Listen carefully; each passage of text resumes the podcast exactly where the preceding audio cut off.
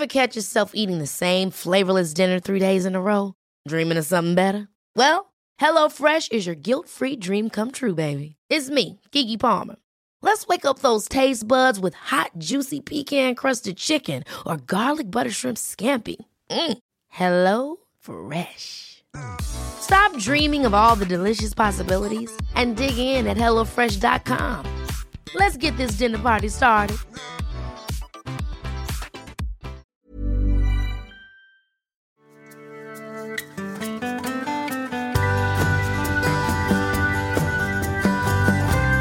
Hallå vänner! Då var det dags för podd igen. Och eh, idag så har vi gäster med oss. Inte gäster, det är, det är inte plural nu. Du är bara en Lena. Men, men jag tänker så innan vi släpper in det så ska vi, så ska vi eh, tacka alla nya lyssnare som har kommit hit. Ni är väldigt, väldigt många. Eh, och blivit väldigt många fler på ganska kort tid. Björn Rudman heter jag. Eh, jobbar som terapeut till vardags med inriktningen på stressrelaterad psykisk ohälsa i princip mer eller mindre, inte uteslutande, men det är där vi har grunden. Liksom. Um, och det är en hel del terapi, det vill säga terapia. Bort reflexmässiga beteenden som inte är hjälpsamma för oss. Det är en del. Den andra delen är att få ordning på vardagar.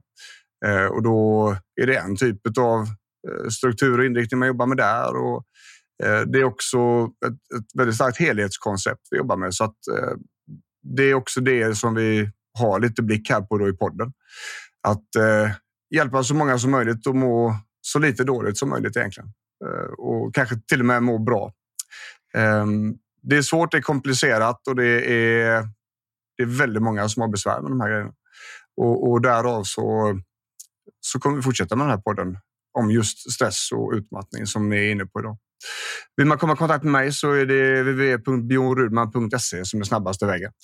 Eh, och där står mer om hur jag jobbar och tjänster och sånt där. Och sådär goda grejer. Men idag så ska vi, eh, vi ska prata om hjärnan idag, Lena, va? Ja, men det stämmer. Ja, välkommen hit.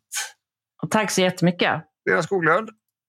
Eller möjligen då kanske Skogholm. Skogholm. Skogholms limpa kan man alltid tänka på, du vet. Ska vi ta rätt namn istället? Holmlund. Du, du är ju författare och eh, beteendevetare va, i grunden? Ja, men precis. Berätta lite om hur, hur, eh, hur tänker du med de här grejerna, stress och ur ditt perspektiv liksom? Mm. Alltså om man tänker så här att eh, man tänker så här, våra logiska tankar och vårt medvetande, alltså där vi kan ta medvetna egna beslut, den delen är ju nyare i hjärnans landskap. Så man kan säga att våra logiska tankar och medvetande är byggt på en uråldrig biologisk maskin. Och mm. den gamla maskinen hade en övergripande uppgift och det var ju att se till att vi överlever. Mm. Och då har den massa automatprogram som var till fördel för våra förfäder. Mm. Eh, till exempel att leta efter faror och hot 24-7. Att liksom, även något som kanske är bra, finns det något dåligt med den? Det är liksom det är, det är huvudfokus för den här gamla biologiska hjärnan. Plus en hel del andra eh, automatiska program. Mm. Och grejen är att när vi stressar, alltså det, det tror jag var och en vet hur det kan kännas när man har kört på lite för hårt. Hur går det? Orkar man tänka en logisk tanke när man är sjukt trött? Mm. Det går ju nästan inte. Det är som att det står still i huvudet. Mm. Och det är bokstavligen vad det gör. Och när vi så att säga har kört slut på den där logiska delen så den inte funkar, ja vilken del i hjärnan tar över? Mm. Det är ju den gamla biologiska maskinen. Så att man kan säga att nästan vi blir fjärrstyrda av våra förfäder och mm. gör som de gjorde för det var bra för deras överlevnad. Så, mm, och det mm. ställer till det lite för oss i vårt moderna samhälle. Då. Ja, det är ju just det som är huvudproblemet, tänker jag. Att samhället har utvecklat sig otroligt mycket snabbare än våra hjärnor. Mm. Och, och, vi sitter ju i den smeten varje dag. Liksom. I kombination med den här, som vi ju alla vet, förändringstakten som inte har varit på liknande sätt. Man kan ju bara ta de sista 10-15 åren. Sån mm. utveckling har det inte varit i världshistorien någon enda gång. Och här sitter vi med den där gamla apparaten till hjärna och ska försöka hantera detta samtidigt som vi informationsbombas, samtidigt som vi lever i ett prestationsinriktat samhälle som aldrig förr heller. Eh, så att här gäller det att vara eh, järnvakt skulle man kunna säga för att få tag på sina hjärnkrafter. Mm. För jag menar ju på det och tycker att vi ska samarbeta med hjärnans förutsättningar istället för att köra över den. Mm. Om vi börjar i vardagen få mer och mer kunskap om just de här olika biologiska programmen som styr oss, då kan vi ju samarbeta med dem. Mm. Och då blir ju hjärnan, det blir ju som en extra kraft som vi får energi av istället och eh, som faktiskt också kan ge oss en airbag mot stress. Och det, det, jag tänker där med, med samhällsutveckling och liknande eh, och att inte ha hängt med så där. Då, då tänker jag ju spontant också, kolla de senaste tre åren. Ja men gud ja, med, Med- hela... Covid, Ukraina, elkris, inflation, svag krona, maten svindyr.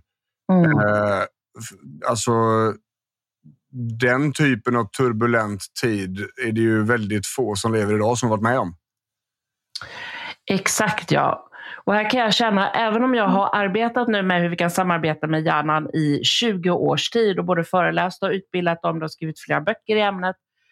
Eh, och självklart också själv försöker hålla koll på sin hjärna. Så märker jag så att nej, det, man får verkligen ligga i nu så att man inte blir liksom kidnappad av allt det här jobbiga som händer utan hålla, som Tage Danielsson uttryckte det, liksom lågan klar för eh, att eh, se det som är bra i livet och faktiskt försöka vara lite, hitta lite glädje i livet som han uttryckte i ett jättefint citat.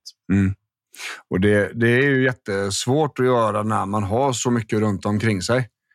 Men det är ju faktiskt helt nödvändigt.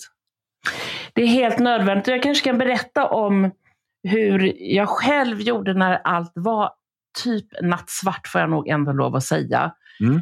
Eh, För att ändå ge en inblick i att förstå kraften i att samarbeta med hjärnans förutsättningar och lite mer kanske i detalj också. Mm. Eh, För 23 år sedan så fick jag Ja, det började egentligen med ett illamående och det, det ledde till att jag blev sängliggande mesta delen av tiden i fem års tid. Mm. Eh, Och det som hände, det visste jag ju inte om precis när det hände och inte de närmaste månaderna heller, men jag fick en svår neurologisk sjukdom som slog ut hela min kropp. Eh, Och den här sjukdomen, det, så, det var inte så många läkare som kände till den då och eh, det tog ja, relativt lång tid innan jag fick en diagnos. Och från början så hade liksom alla, i princip alla program, alla system i, i kroppen slagits ut. Mm. Dels var det som om någon hade eh, tagit ur batterierna ur kroppen. Mm. Det, det som hände det var det här illamåendet att jag höll på att svimma av från början. Det var att jag fick en otroligt kraftig bihåleinflammation. Mm. Och då fick jag ju penicillin efter penicillinkur och så vidare och sen blev väl de någorlunda bättre men, men efter det så var det liksom fel på många system i kroppen. Mm. Så det är som någon hade tagit ut batteriet ur kroppen, det var värk i både eh, muskler och leder, det var ständig infektionskänsla, om du tänker så här, ont i halsen, lymfkörtlarna svullna, så här konstig influensakänsla i huvudet. Mm. Eh, och eh, ja, jag låg där i ett mörkt rum och de första, första året så var det ju verkligen kanske 90 procent, jag vet inte, sängliggandes. Mm. Var det en bra dag så orkade jag kanske sitta upp och äta i 20 minuter, Mm. vara med barnen något och sådär. Eh, en värre dag, då var det ju till och med jobbigt att andas. Mm. Och inte för att jag hade problem med liksom luftvägarna, utan för att det tar energi att andas. Mm. Det är ju muskler som jobbar, Ja, men det tänker man ju inte på när man är liksom frisk. så. Och, och sen gick ju tiden, gick några månader och till slut blev det ju också ett mentalt grått brus i mitt huvud. Mm. Hela mitt liv hade ju tagits ifrån mig. Jobba, det var ju helt otänkbart. Gå och fika med en kompis, helt omöjligt. Jag var ju glad om jag orkade gå och duscha. Det var ju som en vinstlott. Mm. Och så blev det det här gråa mentala bruset i mitt huvud. Liksom jag tänkte, ska, det, ska jag någonsin kunna jobba igen? Alltså det trodde jag verkligen aldrig. Kommer jag bli lite bättre? Ingen aning. Och jag märkte också att det här gråa mullret i huvudet, det tog ju också energi såklart från mig. Mm. Och den här, jag hade ju så lite energi så jag behövde ha den för att andas som inte annat. Mm. Jag kände ju också att det där blev ju inget bra. Och nu är jag väldigt, väldigt glad att jag kunde en hel del om hjärnan när jag blev sjuk, för det blev en hjälp för mig. Jag Mm. vet att jag satte mig vid köksbordet en dag och det kom väldigt spontant, men det var ju säkert en sån här överlevnadsstrategi samtidigt då. Och jag säger högt och tydligt för mig själv när jag sitter ensam i köket och jag gestikulerar tydligt för att jag liksom ska fatta det jag säger. Så säger jag så här till mig själv, jag får tänka på allt jag inte kan göra. Och så rä- räknar jag upp det liksom i huvudet. Jag kan inte det, inte det. Det var ju typ allting. Mm. Jag får tänka på det här precis hur mycket jag vill. Det är upp till mig vad jag gör. Och jag förstår också att det kommer vissa konsekvenser om jag gör det. Och så vände jag mig till andra sidan av bordet och sa till mig själv att men jag får också tänka på det här. Det vill säga allt jag kan göra. Mm. Ja, men jag kunde ju ändå duscha själv. Jag kunde äta själv, jag behövde ingen som matade mig. Mm. Jag hade en man som var snäll och, och handlade och hjälpte till med saker. Jag hade en skön säng att ligga i. Alltså det här glömmer vi helt bort i vardagen. Mm. Jag hade sköna lakan. Ja, du märker, alltså jag fick leta med mikroskop efter Mm. sånt som faktiskt ändå var bra. Det var ju inte osant att det här ändå var bra för mig. Eller Mm. hur? Ja. Och så sa jag till mig själv, jag får tänka på det här också. Och det är Mm. upp till mig vad jag tänker. Och tänker jag på det här, då kommer det vissa konsekvenser. Mm.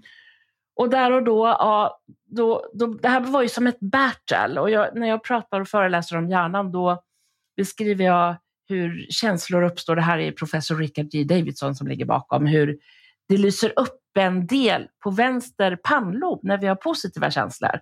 Det är Mm. mer komplicerat än detta, men generellt sett. Och det lyser upp en, ett nätverk på höger hjärnhalva när vi har negativa känslor. Mm. Och de här delarna kallar jag för solskenshjärnan och grådaskhjärnan. Bara för att det ska vara superenkelt att komma ihåg i vardagen. Då. Mm. Så då kan du ju tänka dig när jag satt där på köksbordet. Det var ju som ett battle mellan min grådaskhjärna och solskenshjärna. Och där och då så vann solskenshjärnan och det var ju säkert också en överlevnadsstrategi. Men sakta men säkert så, ja, så är det solskenshjärnan som inte alltid vinner. Men, och det har ju varit många battle efter det kan jag säga. Mm. Men att när vi får tag i solskenshjärnan och bygger den starkare och starkare, varje näringsdroppe, det vill säga varje tanke vi kan få den att lysa upp med, eller saker vi gör som vi blir glada av, till exempel. Mm. Det är guld värt för din hjärna. Mm. För grådaskhjärnan och solskenshjärnan, de finns där båda två och grådaskhjärnan tyvärr då starkare för den tillhör den här gamla biologiska maskinen. Eh, så att vi behöver bygga solskenshjärnan medvetet för att få balans i hjärnan och få en välbyggd hjärna som orkar med det här läget som vi är i nu för att få motståndskraft mot all den här påfrestan som, som vi lever under. Det är, det är ju väldigt, väldigt lätt att tappa bort det som är bra och fint när det är jobbigt runt omkring. Liksom. Och sen kan jag ju tillägga också såklart då, det tror jag alla kan fatta direkt, att om jag hade en sån här fruktansvärt dag och, och knappt orkade andas och någon skulle komma och säga till mig, ja men tänk på allt som är bra, eller träna solskenshjärna nu. Alltså då skulle jag ju helst säga stick och brinn. Ja. Alltså det orkar man inte då. Utan vad det handlar om då, tänker jag, då handlar det istället om att inte lägga mer elände på grådaskhjärnan än vad som redan är där. Det vill säga, ja, nu är det så här idag. Det är en skitdag. Jaha, okej, då är det det. Istället för att börja tänka, "Ja, det är typiskt, nu har det här drabbat mig och ja, och nu har det här hänt också. Ja, nu har jag drabbats av det här och det här och det här. Livet är emot mig. Varför har det blivit så här? Du vet, då lägger man ju bara mer, eh, man bygger egentligen upp grådaskhjärnan onödigt mycket. Mm. Istället för att bara tänka, okej, det är en skitdag, då får det väl Mm. vara det. Ja. Mm. Det är bara skit och det är inget skitliv. Liksom. Ja, exakt. exakt. Mm. Och jag kanske orkar se en rolig film i fem minuter. Mm. Göra någonting om man orkar för Mm. att ändå begränsa grådaskhjärnan en sån dag. Och, och eh, jag, jag tänker också så här att det här med att lyfta det positiva och faktiskt försöka smaka på det kommer ju göra rent biologiskt sett så kommer det ju bli ett signalsubstanssläpp där, tänker jag. Eh, att man får serotonin framför allt då och även kanske dopamin. Eh, vilket då kommer hjälpa situationen. Du kommer helt enkelt att må bättre biokemiskt genom att göra så också. Så är det. Solskenshjärnan har kemiska substanser som bygger upp kroppen och, och bygger upp oss både med positiva känslor men faktiskt också gör oss smartare på det sättet att vi, vi tänker bättre. Alltså vi blir mer kreativa, kan hitta flera olika lösningar eller infallsvinklar på ett problem till exempel. Mm. Vi kommer ihåg bättre. Mm. Så det påverkar oss liksom eh, den biologiska nätverken hör ju tydligt ihop med den kemiska substansen som, som flyter ut i alla celler. Mm. Och däremot grådaskhjärnans alla kemiska substanser, vad gör de? Ja, de bryter ner oss. Yep. Stresshormonerna. Ja, yep. stämmer. Uh, och jag tänker också, jag kan fortsätta på det här biokemiska spåret. Stress är ett beredskapssystem och det är ju, vi har ju två stycken startmotorer där. Det ena är ju sympatiska nervsystemet och det är ju adrenalin och det är ju som går ut där framför allt. Och då, det är ju där någonstans man kan upptäcka att man höjer pulsen eller eh, det blir en skrämd situation. Liksom. Men den andra startmotorn heter ju HPA-axeln. Och eh, det är ett antal olika körtlar som skickar ut en hormonkaskad och, och den axeln den startar inte bara på akut stress, alltså ett, ett hot som är framför, utan den går även igång på låggradig stress. Eh, och det är kortisol som går ut där absolut mest. Och det är ju ett, det är ett väldigt starkt nedbrytande hormon och det påverkar alla våra, eh, ska vi säga, alla våra eh, kognitiva funktioner och det är i stort sett inget organ som kommer undan kortisol. Eh, sådär, va? Och tanken, vi måste ha kortisol för att kortisol gör ju att vi, går, alltså att vi får tillgång till den energin som ligger lagrad i reserverna i kroppen, i muskler och lever och sånt där. Men det ska inte vara för mycket och inte för länge. Och hela grejen med HPA-axeln är att den ska ju egentligen eh, tagga ner så småningom när stressen är över. Men om det är så att det är nya stressorer hela tiden, det kommer nytt som är jobbigt, nytt som är jobbigt och svårt, så kommer den aldrig att göra det. Och då blir det en, en, en avvikelse i hela den axeln som det heter. Eh, och jag menar på det att om vi kopplar det till, till just det här med eh, de olika typerna av hjärndelar. Att tänka på de fina och bra sakerna kommer hjälpa den här eh, andra startmotorn att lugna sig. Den kommer att få se att det finns bra saker liksom, rent konkret. Så. Alltså jag tror att det är jätte, alltså det är otroligt viktigt och, och antagligen viktigare än vad man kanske ens tror själv. Just. Det är det definitivt. Och eh, inte, Björn, känner du till Michael Mosley? Mm. Han har ju haft flera program på tv, bland annat eh, Medicin med Mosley och skrivit böcker och så vidare. Då. Han var den som tog 5.2-dieten och skrev mm. böcker om den och så den blev så här stor i Sverige. Då. Eh, han i alla fall, han gjorde ju ett eh, program i sin serie Medicin med Mosley som handlade just om solskenshjärnan och grådaskhjärnan. Mm. Och det var intressant att följa honom, för i början så var han ganska skeptisk till det här. Skulle det faktiskt hjälpa med en starkare solskenshjärna? Mm. Med andra ord, göda den sidan hos oss. Nej, det var han skeptisk till om det skulle ge så fantastiska resultat som faktiskt forskningen vis började visa då för ett tag sedan. Mm. Men han ville ändå ta det här på allvar för han vill ju vara en seriös vetenskapsjournalist. Så han ska helt enkelt undersöka detta. Och så berättar han från, från sin egen barndom att när han var liten, ja, då var han ju ganska så glad i hågen och liksom glad kille liksom. Men sen blev han ung vuxen och då blev han mer lite orolig av sig. Och nu är han ju då medelålders, kanske lite mm. medelålders plus. Mm. Och nu var han något av en katastroftänkare. Mm. Och där går han då till professor Elaine Fox som är expert inom området och har forskat mycket kring detta. Elaine Fox, för den som vill eh, veta mm. mer, det är bara att googla. Eh, och hon då, i hennes labb fick han mäta storleken på sin grådaskhjärna respektive solskenshjärna på två stycken olika sätt. Och så får man följa honom när han sitter där och han är ju så orolig hela tiden. Då. Vad ska de se och så vidare. Och vet du vad de fick se? Mm. De upptäckte så att grådaskhjärnan var tre gånger så stor i hans hjärnlandskap mm. än solskenshjärnan.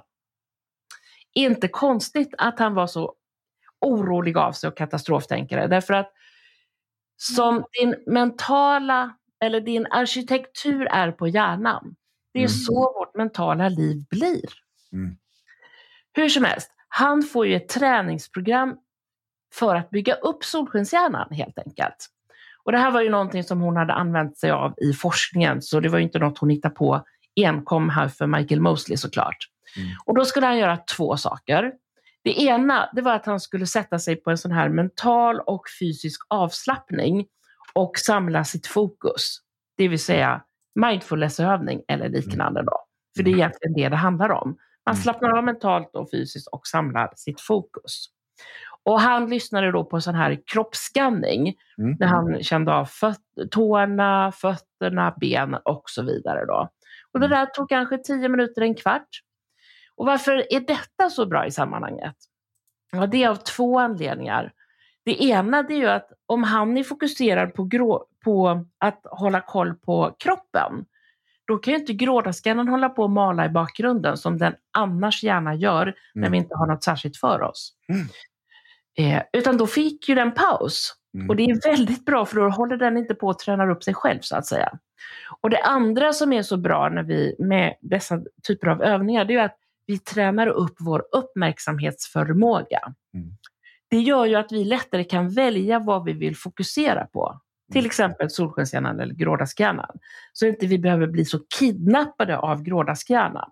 Som gärna vill ta över, få ett järnherravälde. Mm. Så okej, och det andra han ska göra då, det var någonting som kallas för Cognitive Bias Modification, CBM. Cognitive Bias Modification. Och I det här fallet så betyder det att det kom upp 15 ansikten på en skärm.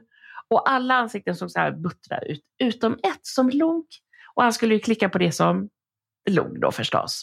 Och då kom det upp 15 nya ansikten och det var samma idé här då. Han skulle leta efter det som log. Och det där satt han också med i 10 min- minuter, en kvart. Och här märker man ju tydligt vad han gör. Tränar solskenshjärnan, visst. Mm. För han letar medvetet efter det som är, är positivt. Då. Mm. Eh, och eh, ja, det här skulle han göra tre, fyra dagar i veckan i sju veckor. Så det, Mm. alltså, det är ju inte jättestor insats ändå. Nej. Överkomligt. Mm, verkligen. Sju veckor senare är han tillbaka i labbet och mäter återigen sin storlek då på grådaskhjärnan respektive solskenshjärnan. Och alltså vad har hänt? Jag ryser varje gång jag tänker på detta. För det här säger så mycket om faktiskt vår makt över våra liv. Mm. Även när det faktiskt kan vara hopplöst. Som det var för mig när jag var så sjuk. Mm. Det man upptäcker hos Michael Mosley, det var att grådaskhjärnan har krympt och solskenshjärnan har växt. Så nu är det en, en balans mellan dessa. Det är inte så att grådaskhjärnan är tre gånger så stor längre. Mm. Och så intervjuar de honom också och frågar så här, ja, hur han upplever livet och hur det känns nu då. Och då beskriver han ju precis det som egentligen hans layout på hjärnan har talat om för oss redan. Han beskriver att han inte alls så orolig längre och att han är mycket lugnare. Eh, tidigare så kunde han ju gå upp i spinn liksom, när han skulle intervjua någon och eh, kunde inte sova. Han hade ju haft sömnproblem under lång, lång tid. Mm. Så intervjuade de även hans fru.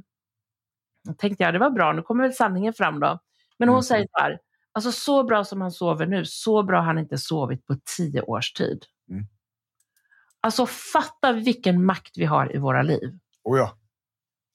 Det, jag, jag tror att det, det är nog svårt att relatera till vad som faktiskt går att göra eh, när man inte har varit med om det. Eller när man sitter i den i stormen. Just det här med att, att det kan ju också jag tänker, vara lite provocerande att höra att ja, men vi bestämmer själva vad vi ska tänka på i stor utsträckning och så känns det inte så. Det känns som att det, nej, men de här tankarna kommer ju. Jag vill ju inte tänka på det här, ändå kommer de. Då är det ju svårt kanske, tänker jag, att relatera till att det faktiskt eh, finns ett val att göra där. Jag tycker eh, Igor Ardoris, mental tränare, han uttryckte det så himla bra tycker jag. Alltså vad, apropå att tankar bara kommer, ja men självklart det gör det. Därför att alltså, om man tänker så här, tarmarna, de ska producera tarmrörelser, det fattar man. Hjärnan, vad ska den producera? Tankar. Det är liksom bara produktion av tankar. Mm. Och de uppstår ju utifrån de biologiska program som finns. Mycket från den gamla, gamla eh, biologiska delen i hjärnan då, som inte då alltid gagnar oss. Mm. Och här vill jag verkligen då ändå uppmuntra, för jag vet själv hur det är när det kan vara supersvårt. Jag vet själv hur det var när jag satt vid köksbordet, men jag vet också hur det var andra dagar när jag inte orkade tänka på detta och kunde känna en stor hopplöshet. Och jag tänker att det är nästan då det behövs som mest. Exakt. Och jag tycker att kun, alltså vi har fått lära oss att muskler är ju bra att träna. Och har man liksom, man kanske behöver stretcha för man har ont någonstans eller man behöver stärka upp någon muskel. Vi har lärt oss från vi barn vad vi ska göra. Och vi vet allihopa att vill man ha en större biceps så ska man göra och man ska träna den då.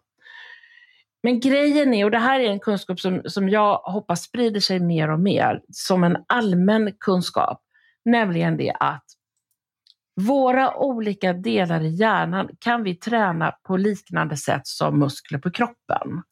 Alltså det är ingen som ifrågasätter och säger så här att jag inte kan träna muskler. Därför att så här är det att muskelceller och nervceller har det gemensamt att de förändras utifrån vad vi gör med dem. Mm. Och det här tänker jag skulle vi lära oss från vi är små. Mm. För att det, in, det ger oss faktiskt hopp även när det är hopplöst. Mm. Därför att varje liten sak vi gör kan vi droppe för droppe påverka hjärnans layout. Och när vi påverkar hjärnans layout så påverkar det vårt liv så starkt. Så på det sättet kan man säga att, jag pratar ibland om att vi kan bygga hjärnmuskler. Mm. Ja, jag tänker så att vi behöver, vi behöver faktiskt alla, och nu vill jag också lägga till då så här att vi är ju lite olika. En del, har, en del föds med, visar forskningen, större solskenshjärna. Eh, andra har en liten tendens mer till en grådaskhjärna och resten av oss mittemellan. Det är en tredjedel åt varje håll så att säga. Då. Men oavsett vilket håll vi ligger åt och oavsett hur våra livsramar, situation ser ut. Det är ju som en ram kan man säga. Men här har vi ändå möjlighet att måla innanför den här ramen. Mm. Och jag, jag vill verkligen inge hopp, för jag vet, jag vet av egna erfarenheter.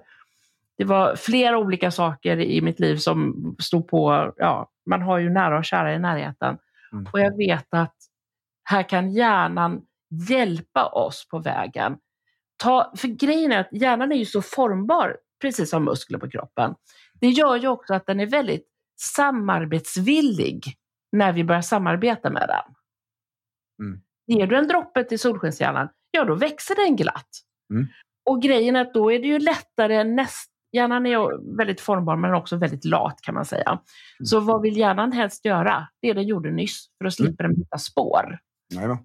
Så, är, så att kan man komma in till en droppe solskenshjärna här och där, eller åtminstone, jag tänker om grådaskhjärnan ibland, att det är som en ofostrad hundvalp. Mm. Man behöver hålla den i koppel. Mm. Man behöver säga så här, sitt, ligg, tyst, eller någonting när den står och skäller. Då. För att just öka balansen mellan solskenshjärnan och grådaskhjärnan. Men nyckeln för detta det är ju att vi har laddat våra batterier. Mm. Och därför tänker jag så här att, du vet, hus ska man ju energideklarera. Mm. Det är väldigt bra. Jag tänker kanske ännu viktigare att vi människor energideklarerar oss. Mm. Det vill säga, vad ger mig energi och vad tar energi? Och det här kan man ju titta både på i stora drag och även på liksom mikrosituationer. Energitillförseln till hjärnan är A och O. Mm. För vad går hjärnan på? Den går ju på energi. Har du för lite energi, ja då stängs ju del efter del ner i hjärnans landskap. Och bland annat så stängs ju solskenshjärnan av.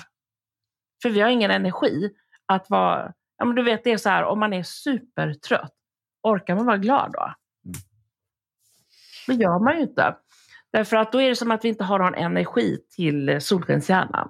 Så ladda batterierna är alltid A och O och det är liksom första, det är grunden överhuvudtaget. Mm.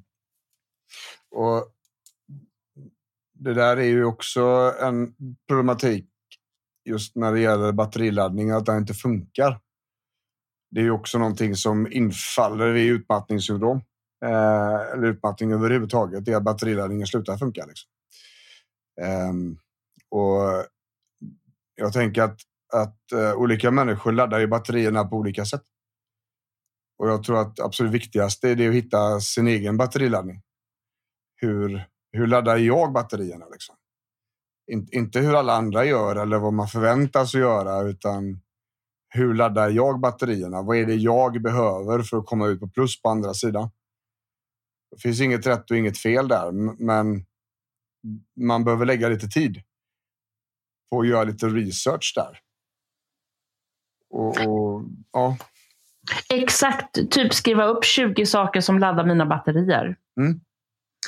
Kanske också kolla av, men vänta, vad är det som tar energi då? Mm. Skriva upp en lista där också.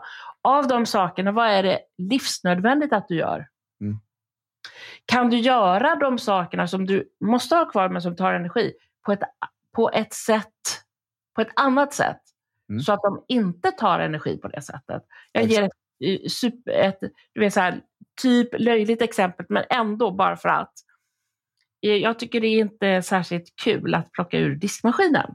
Men jag är ändå väldigt glad att jag har en diskmaskin, så att det, det får man vara glad för. Och så tänker jag så här, om jag tycker att detta är tråkigt, då tar detta energi från mig. Det här, jag vet att det, detta är en så här pyttelöjlig liten sak, men jag tänker som ett generellt exempel. Okej, okay, hur kan jag plocka ur diskmaskinen så att det inte tar energi från mig för att jag bara tycker det är för tråkigt? Nej, men för mig, och det här är ju precis upp till var och en som du så tydligt sa Björn, att eh, man måste fundera över vad ger mig energi? Och för mig var det så här att om jag tog tid på hur lång tid det tog att plocka ur diskmaskinen, då blev det en sport för mig. Mm. Och då tyckte jag det var kul, för då skulle jag se om jag kunde göra det en sekund snabbare. Och plus att jag insåg att det tog visst bara en minut. Okej, okay. no big deal med andra ord. Så här kan man lite också eh, ja, lura sig, om man vill använda det uttrycket, att hitta sätt. Hur kan jag göra det här på ett sätt så att det inte tar energi, utan kanske till och med ger energi? Mm. Och jag tycker det är väldigt intressant, apropå det, att eh, det här Paul Gilbert som eh, kan, kanske är bekant för flera som har gjort en pedagogisk modell när han beskriver tre motivationssystem som vi har. Eh, där han beskriver hotsystemet. Det tror jag vi alla fattar, det går igång med ett hot och här duschas de här stresshormonerna ut. Adrenalin, noradrenalin och kortisol som du nämnde. Där har vi det och det här, det här är ju väldigt lättväckt. Om man tänker våra förfäder, de satt där vid en buske kanske och så prasslade till i busken. Då hoppar de kanske upp därför att oh, det är en orm som ska sticka till. Nej, det var visst bara en liten fågel som viftade med vingarna. Okej, då var det lugnt igen. Men alltså det är superlättväckt. Och sen om man tänker hotsystemet, eh, ytterligare ett perspektiv. Eh, om vi säger våra förfäder höll på att bli uppätna av ett lejon, då gällde det att springa därifrån snabbt såklart. Och hur är det då? Om vi tänker oss att de springer förbi en jättevacker blomma de har längtat efter att se. Kan de se den blomman när de, när de liksom springer från lejonet?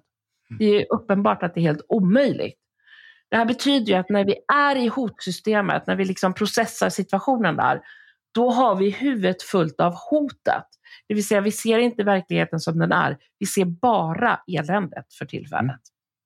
Okej, okay, där har vi det. Och sen har vi ju det utforskande systemet eller möjligen drivsystemet. Okej, okay, när går detta igång då? Ja, tänk om våra förfäder de låg och tog det lugnt där på savannen. Det kanske började kurra i magen. Ja, då behövde de ju göra någonting. De behövde ju eh, bli engagerade för att gå ut och jaga mat helt enkelt. Det drivande systemet sattes igång. Mm. Det här brukar färgas blått och det eh, hotsystemet brukar färgas rött. Okej, okay, det blåa utforskande systemet går igång och här har vi ju dopaminet som duschas ut i våra celler som gör att vi blir alerta, vi är på, vi är engagerade, nyfikna. Om vi tänker då att våra förfäder, eh, ja, de går mot bytet där på savannen, närmar sig, får syn på det, liksom smyger fram mot bytet för att snart liksom ta det. Då.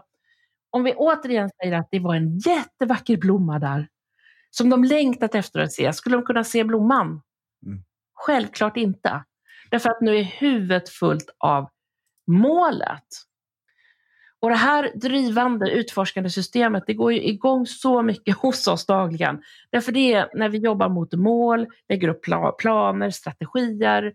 Alltså på jobb, då är det lätt att man nästan hela tiden är där. Man ska göra det och det och det. Och det. Okej, okay, sist men inte minst. Det gröna sköna trygghetssystemet. Mm. Okej, okay, när kunde våra förfäder landa i det här systemet? När inget hot var i närheten och behoven var tillgodosedda. Mm. Ja, då kunde man få slappna av och ha det bra i det gröna sköna trygghetssystemet. Mm. Och här duschas ju oxytocin ut i våra celler, så vi, det här må bra-hormonet som också duschas ut när vi ammar barn eller också vid massage. Men också menar Kerstin Unes, som är professor på området faktiskt, att när vi säger vänliga ord till varandra, duschas oxytocinet ut i cellerna. Och vi blir så här, du vet, förnöjda, glada. Eh, man, kan vara, man, kan, man är så här generös, prosocial, det vill säga att jag kan vara snäll mot dig innan du är snäll mot mig. Man blir så här bjussig helt enkelt. Får förtroende för andra, tillit till andra. Och här är intressant tycker jag. Ja, verkligen.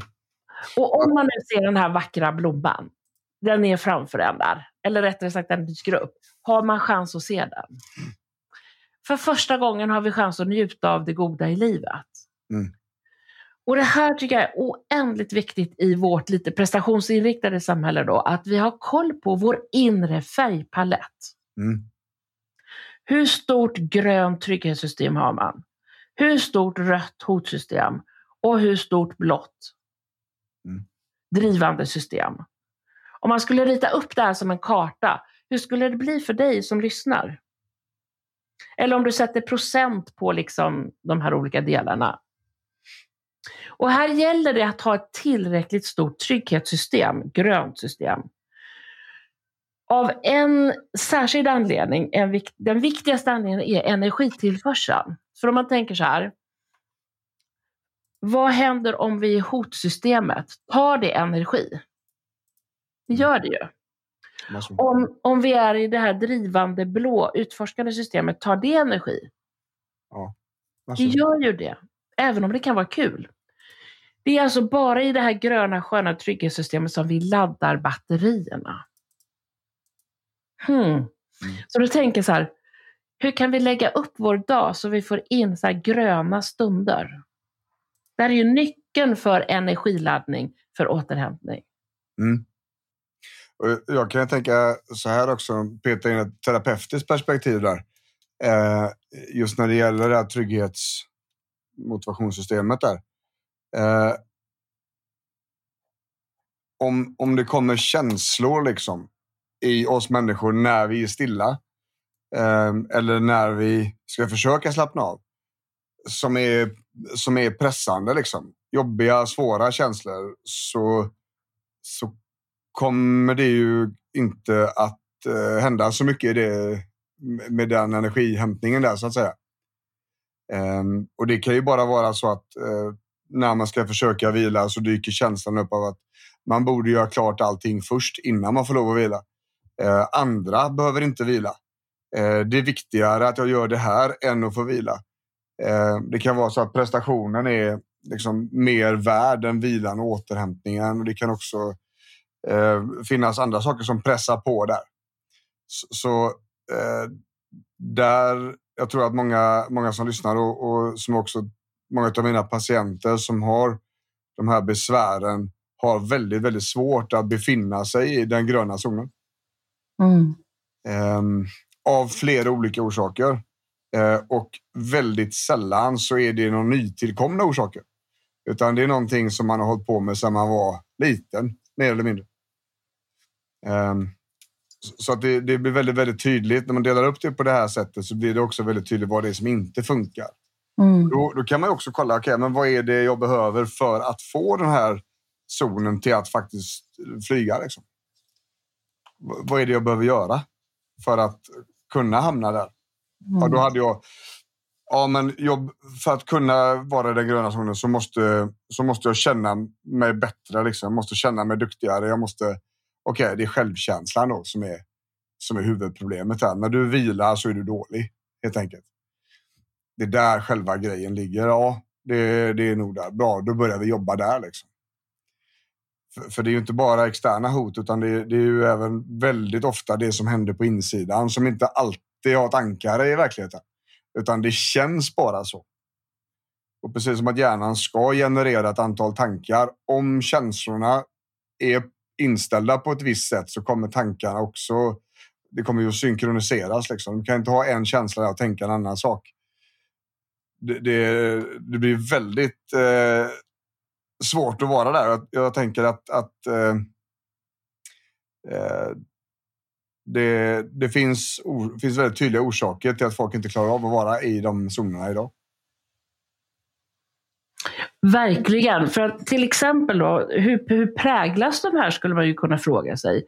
Mm. Ja, men de präglas ju de här systemen från vi kommer ut från vår mammas mage helt, helt enkelt. Yes.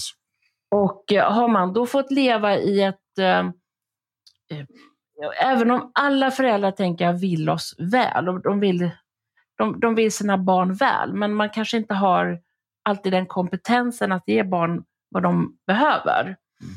Så då kan det ju vara så att man vi uppväxten av olika anledningar. Det kan ju vara traumatiska händelser i familjen, det kan vara missbruk, det kan vara psykisk ohälsa eller det kan vara andra sjukdomar, det kan vara Eh, traumatiska minnen från krig och annat som, som ställer till det. Så att man, man lever i en uppväxtsammanhang där det är hotsystemet som bara göds hela tiden. Mm. Och i sådana fall när man kommer ut sen är ung vuxen i 18-20 års åldern, då, ja, då möter man ju livet med ett stort hotsystem. Mm. Det gör att jag relaterar till alla andra människor eh, från hotsystemet. Jag blir stressad av allting. Liksom. Allting kan bli katastroftankar. Mm. I en annan familj kan det vara så att det är prestationen som gäller. Mm. Du får tusen spänn för varje högsta betyg eller du mm. ska prestera och eh, om du inte får det här betyget så kommer du inte in på den skolan och så går livet åt helvete. Och det där är så korkat för det finns ju ingen sanningshalt i detta alls. Jag kan bli så upprörd över detta. Mm. Och, och sen den här hetsen som generellt sett med både nya läroplaner och eh, betygssystem och hela inställningen som vi liksom kommer med. Jag vet, jag hörde om en förälder berättade för mig om att deras barn hade sagt ja men vad vill du ha för betyg då? Ja, men det var när det var ja, godkänd. Nej, godkänt blir väl bra. Mm. Det var målet liksom. Mm. Ja, men vill du inte ha MVG. Vill du inte ha MVG? Nej, men godkänt blir bra. Ja, men vill du inte ha MVG? Ja, men vill du inte ha lite bättre? VG då? Ja, ja men jag tar väl det då. Är du med på liksom vad man driver? Prestation. Oh ja. Istället för att driva att må bra. Mm. Okej, okay. växer man upp där det är prestation och man ska hinna med, plus att vårt samhälle som det ser ut idag, så drivs vi av, är det inte prestation från familjehållet så att säga, så är det ju så mycket i det yttre, både som sagt med skolans upplägg och eh, sen har vi allt med sociala medier och så vidare. och så vidare. Alltså det är prestationen att vara lyckad och det ska vara top notch jämt, som ger en helt falsk bild av verkligheten. Eh, då drivs ju det här blåa utforskande systemet i, till att bli jättestort. Ja, då är man 18-20, kommer ut i livet och det är bara prestation. Mm. Man kanske har noll, ja, eller minimalt av mm. att landa på. Mm. Och sen menar också eh, Paul Gilbert då att vi kan också, om vi inte har ett trygghetssystem som är utvecklat som vi kan landa i, ja, då mm. kan man kompensera det genom att skapa ett stort blått system mm. och ha fötterna i prestation. Ja, ska man visa eller vad det kan vara. Då. Så på ett sätt eh, tycker jag det är så fint att lyfta det här terapeutiska perspektivet, Björn, därför att det viktigaste är att vi får på något vis hitta och hitta vårt gröna trygghetssystem. Och om vi inte har, få återerövra det. Mm. Så att bit för bit kan få växa upp en grön plätt i ditt liv. Mm. För det är där vi kan stå och ladda våra batterier. Och, och jag tänker så här också, eh, just på tal om, om det, att man inte har något för att man inte har fått något med sig ifrån uppväxten. Det behöver inte fortsätta vara så. Och, och det är det eh, som är viktigt att komma ihåg. Att bara för att skit var som det var när man var liten så behöver inte det betyda att det måste fortsätta vara så. Eh, ska också tillägga det just när det gäller uppväxtmiljöer. Absolut de otrygga upplevelser, uppväxterna som du beskriver där med, med psykisk ohälsa, missbruk, eh, liksom dysfunktion. Det behöver faktiskt inte vara misär utan det räcker att det är en grundstämning hemma där det blev mer, eh, mer bekräftelse när man hade gjort något än när man liksom eh, bara tog det lugnt och chillade. Man fick ingen hjälp, och det beskriver schematerapin också. Man fick ingen hjälp med balansen emellan måsten och liksom allvar och lek och vila. Utan det ena var villkorat utav det andra. Det vill säga eh, lek, avkoppling, vila, avslappning, njutning var alltid villkorat till att prestera. Vilket då skapar en situation där värdet utav prestationen blir för stort. Det blir alldeles för stort i relation till eh, hur eh, gott det borde kännas att vila. Eh, och där blir ju en stor problematik i hela den, eh, ska vi säga, balansen in i vuxenvärlden då, när man inte har fått det till sig. Tänker jag. Exakt så, exakt. Och här kommer jag också tänka på att ehm, eh, Beselvan de Kolk har skrivit, han är i alla fall en eh, forskare inom trauma, traumatiska upplevelser. Och han som har forskat om trauman i 30 år, om inte jag missminner mig, han uttrycker så här, vilket jag tycker är så otroligt starkt, och också då vi kan koppla till uppväxtmiljön. Det största traumat är att inte bli sedd. Mm. Det största traumat är att inte bli sedd. Och då tänker jag så här, hur det var i uppväxtmiljö. Som du säger, det behöver inte vara den misären eller den här överdrivna prestationen, utan att inte bli sedd. Mm. Att få växa som person, liksom. att få vara en person som tänker, som får ha åsikter, Mm. som får bli bespeglad och bekräftad. Mm. För det är det som skapar tryggheten, Mm. det vill säga trygghetssystemet. Mm. Att jag får, jag får finnas till som person. Får jag inte finnas till, hur ska jag kunna ha mitt trygghetssystem då? Och jag, vill, och jag vill verkligen understryka också som du sa att eh, det går att blicka framåt. Det Ja, ja. går att hitta vägar framåt för att eh, bygga ett trygghetssystem.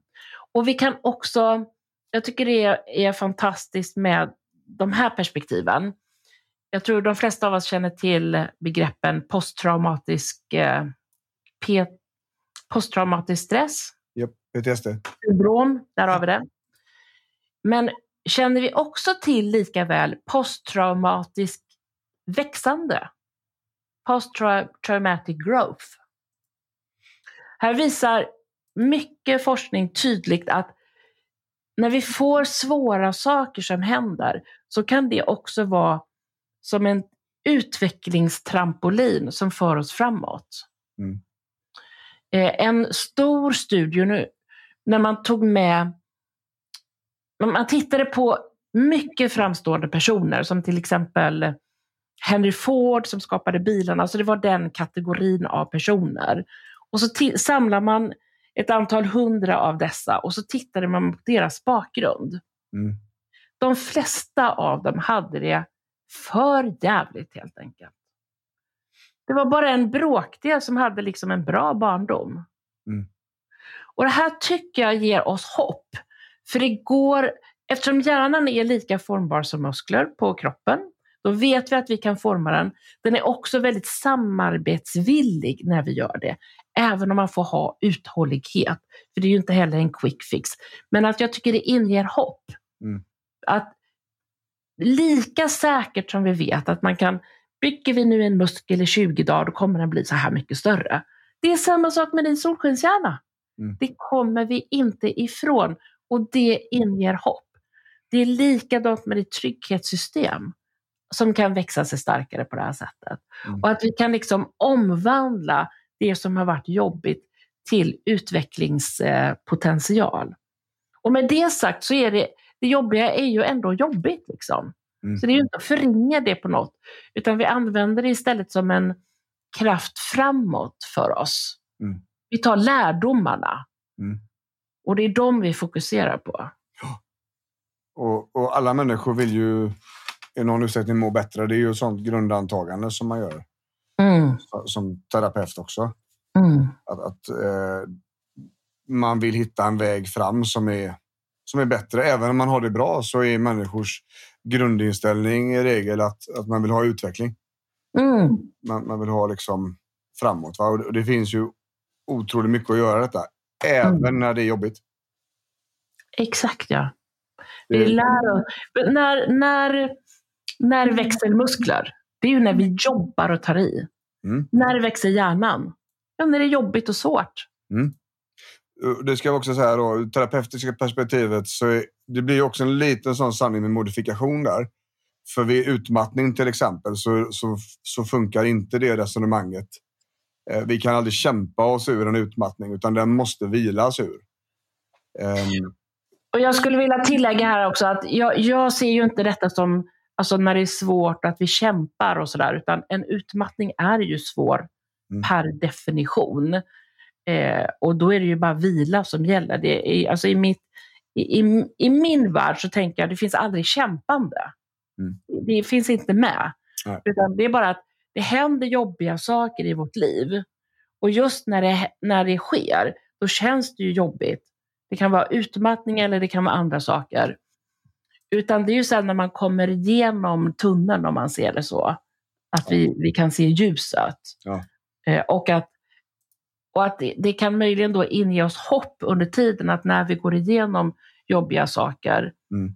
eh, så kan vi få eh, liksom hitta pärlor oh ja. från det. Och samtidigt så vill jag tillägga här att vet, när jag var som sjukast, då vet jag att jag läste en artikel i en tidning när det stod om en person som hade varit utmattad och nu hade hon kommit tillbaka då och börjat jobba igen. Och, eh, det hade blivit så bra för henne då.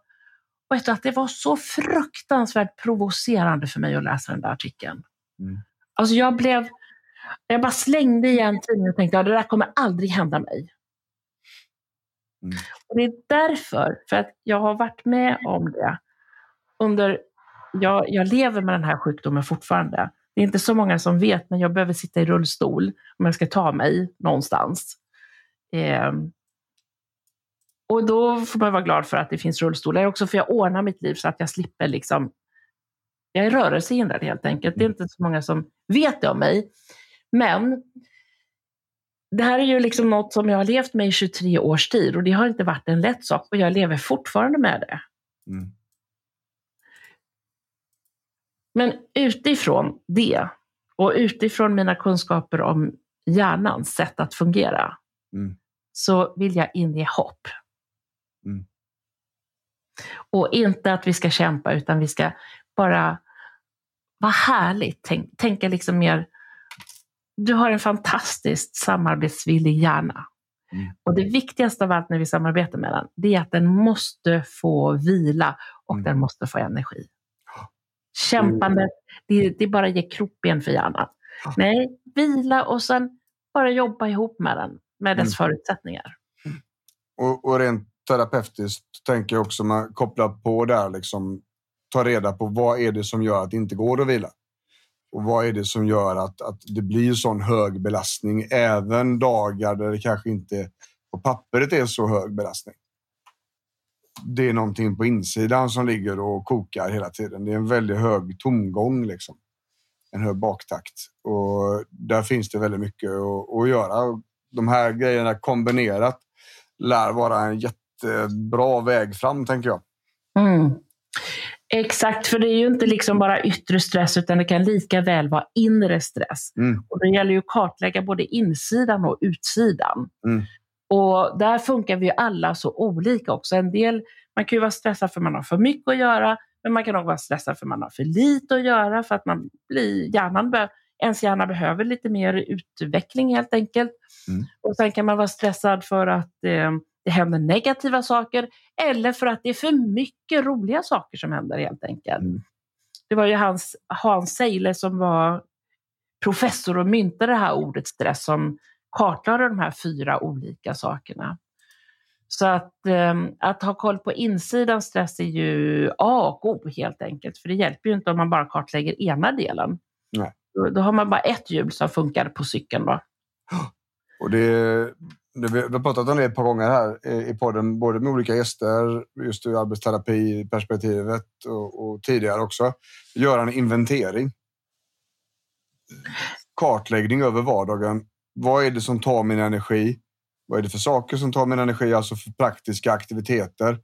Och, och hur ser energin ut över dagen? Men också då, okej, okay, men här tänkte jag på detta och så försvann all energi rätt upp och ner bara. Okej, okay, där har vi någonting att jobba med. Just medvetenheten om sig själv liksom och inte bara köpa läget. Ah, jag har ingen energi just nu, men det blir nog bättre. Nej, det är jag inte helt säker på att det kommer bli helt själv nämligen. Utan man måste gå dit och, och, och göra liksom ett litet arbete med sig själv. Och lägga den tiden på sig själv. Och, det kommer att vara otroligt väl investerad tid. Ja, men självinsikt är ju A och O, liksom, att reflektera över detta. Och jag tänker också i den relationella biten, för är det någonting som påverkar oss och som tar mycket energi så är det ju relationer som skaver. Mm. Verkligen. Och, och Jag, där, tänkte, jag tänkte jag skulle ge två exempel som jag tycker är väldigt talande apropå relationer. Eh, En vän till mig berättade följande.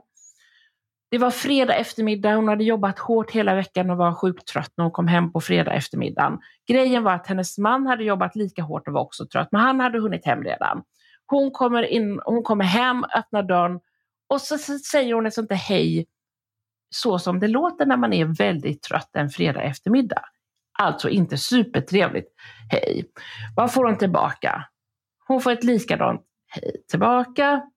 Och här var hon, berättar hon, en nanosekund från att då eh, säga till sin man så här, men gud vad du låter tråkig och varför är du inte så här och jag är så stressad. Du vet som det kan vara, liksom, den där tjafsspiralen som lätt kan triggas när man är lite trött. Men hon hinner tänka och det här handlar om nanosekunder i hennes inre. Hon tänker så här, nej men vänta här, jag kan det här, för hon var insatt i allt det här med hjärnan och eh, hon har både varit på föreläsningar och läst böcker. Eh, och hon tänker så här, nej men vänta jag vet, vi smittar och jag vet att det här har hänt hos mig nu, nu är grådaskallan igång för fullt. Och så hinner hon säga liksom och hejda sig med detta. Hon hinner också tänka, nej men vänta, och min man han kan inte det här men jag kan detta, vänta. Och så säger hon till sin man, nej men vänta Bosse, vi börjar om. mm, Så går hon ut genom dörren, stänger ytterdörren, så går hon in igen och så säger hon, men hej Bosse! Vad får hon för, för svar tillbaka? Hon får ett samma ton tillbaka. Vi är ju så otroligt smittsamma. Hon får samma ton tillbaka. Och sen pratar de vidare och sen berättar hon för mig och jag märker att hon är märkbart berörd av detta. För hon säger till mig, det är helt otroligt vilken makt vi har över våra liv. ja, ja. Om jag inte hade hejdat mig, den där nanosekunden hon hade på sig att stoppa sin impuls Mm. från gamla biologiska maskiner, grådaskhjärnan. Mm. Då säger hon så här, nej men då hade vi börjat tjafsa, det hade blivit bråk och någon hade åkt hemifrån den fredagskvällen, säger hon till mig. Men jag lyckades hejda mig. Hon tog tag i sitt medvetande, den lilla energi hon hade kvar, bytte liksom små spår. Mm. Och nu slutade istället med mys i, i, i soffan framför tvn Mm. fredagskvällen. Det är, alltså det är ju sådana såna exempel är jätteintressanta tycker jag. Man får, man får en uppfattning om att det gick faktiskt. Sedan så kanske man inte känner igen sig i allt, men själva principen att det går. Exakt ja. Och en annan, kanske ett avslutande exempel som kunde då vara, en annan vän berättade följande för mig, just hur relationer påverkar oss så mycket. Mm. Hon då hade sett sin granne promenera, hon bodde på landet, och så såg hon sin granne där, så hon hejade glatt på henne som vanligt. Hon kände inte den jätteväl, men de brukar ju ses och heja sådär då. Men grannen hejar inte tillbaka. Mm. Och hennes automattänkande, ja vad är det som går igång där? Jaha, vad är det med henne? Varför är hon sur? Varför hejar hon inte på mig? Jaha, ska det vara på det viset? Men hon hade också kunskap om detta och hinner hejda sitt tankespår i alla fall. Så Mm. tänker jag, nej men vänta, nu har ju grådaskhjärnan tagit över helt. Jag vet ju inte vad som hade hänt med grannen. Hon kanske faktiskt inte ens såg mig. Ja. Så hon nästa dag går och ringer på grannen och eh, kollar läget. Mm. Eh, du, jag såg det här på landsvägen igår. Jag hejade men jag vet inte om du såg mig. Jag tänkte bara kolla läget. Mm. Vad säger grannen? Mm. Ja, du får ursäkta, alltså jag var helt i mina egna tankar. Mm. Precis innan jag gick ut på promenaden så fick jag reda på att min man har fått cancer. Mm. Jag tänker, här finns så mycket i våra relationer vi kan göra. Ha koll på när grådaskhjärnan vill ha sina tolkningar med. Och kolla istället av hur kan vi tolka det här med solskenshjärnan. Mm. Kanske också vara lite eh, modigt artiga och fråga, kolla läget istället för att göra snabba tolkningar. För allt det där kommer hjälpa oss själva att må bättre. Mm. För då får vi istället relationer som ger oss energi istället för att ta. Och det är alltså... Jag hade, jag hade ett, ett eh, poddavsnitt med äh, gäster ifrån äh, kärlekspsykologerna på Instagram. Eh, Helga var med. Eh, och Det var också ett tips som hon hade, just att snälltolka. Hur, okej, det du fick höra nu som kändes, lät konstigt, kändes konstigt. L- lät konstigt. Om du skulle tolka det så snällt du kunde. Hur hade du sagt det då? Ja, det är superbra. För, där, det ligger ofta mycket i det. Alltså, grund och botten, vi har ingen aning om vad som händer på andra sidan. Så att vi skulle, att vi skulle förstå det i första kommunikationsstöten är egentligen osannolikt. Liksom. Exakt ja, exakt. Och här finns ju massor vi kan göra i bemötandet sinsemellan. Hur kan vi snälltolka? Hur kan jag liksom lyssna med solskenshjärnan istället Mm. för med grådaskhjärnan? Ja, ja. Eh, och sen finns det också mycket man kan göra när det är svåra samtal och så där vidare. Men jag har skrivit om detta i bemötandekoden, konsten att förstå sig på människor och få ett bättre liv. Det var din första va? Ja, just det, det var min första bok. Ja. Så där finns det jättemånga olika tips då hur vi i bemötande och kommunikation så att säga kan samarbeta med hjärnans förutsättningar för att skapa goda relationer. Mm. Och goda relationer som sagt, det ger ju oss energi så Mm. att vi själva mår bättre. Ja, oh ja. Mm. Oh ja. Och det är ju där... eh, Alltså vi människor är ju sociala. Även om vi kan vara introverta så är vi ju i grund och botten eh, flockdjur. Liksom. Så är det. Vi behöver ju ha vår omgivning. Så att, Mm. ja. Du, jag tror vi kunde prata lika länge till. Eh, Eller hur, ja, eller hur? vi, vi får ta ett till avsnitt så småningom, tänker jag. Mm. Ehm, men jag tänker så här.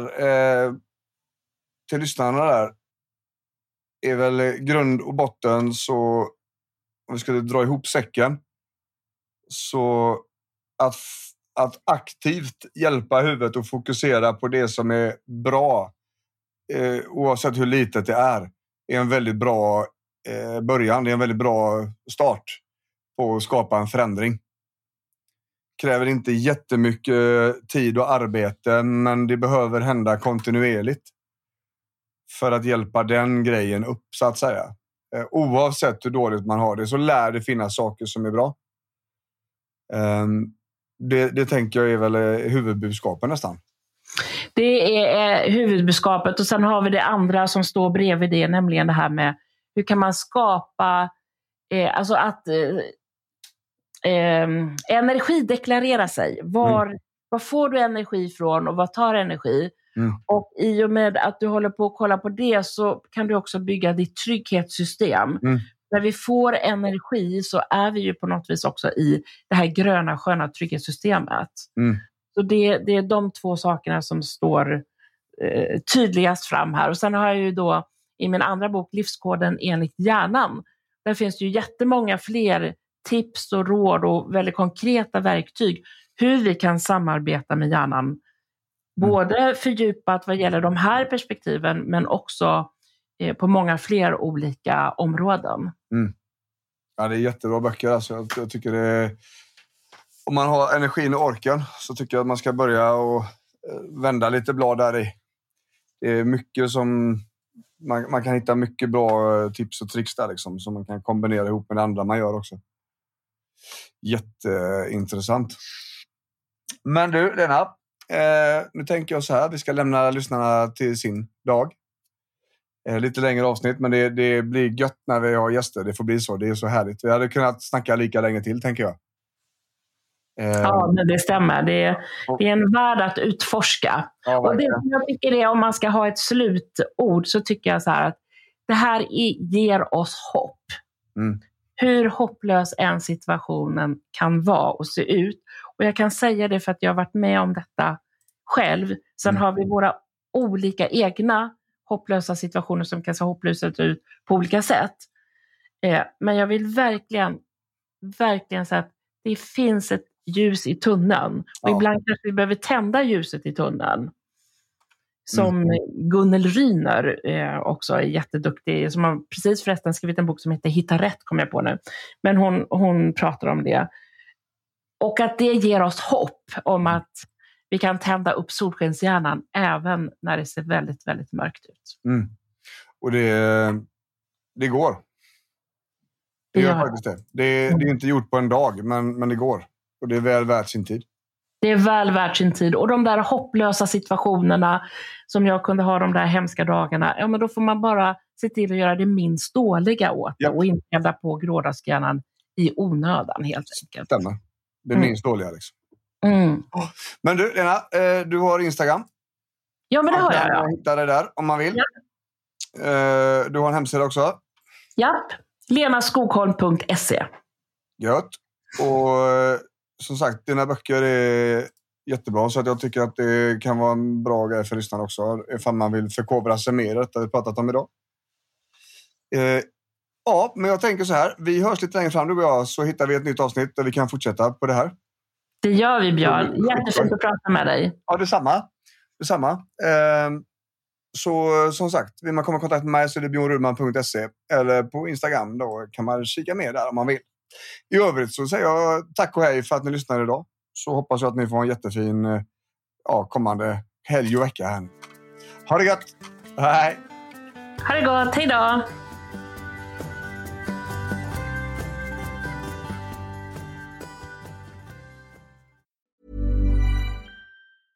Hey, it's Danny Pellegrino from Everything Iconic. Ready to upgrade your style game without blowing your budget? Check out Quince. They've got all the good stuff shirts and polos, activewear, and fine leather goods, all at 50 to 80% less than other high end brands. And the best part? They're all about safe, ethical, and responsible manufacturing. Get that luxury vibe without the luxury price tag. Hit up quince.com slash upgrade for free shipping and 365 day returns on your next order. That's quince.com slash upgrade.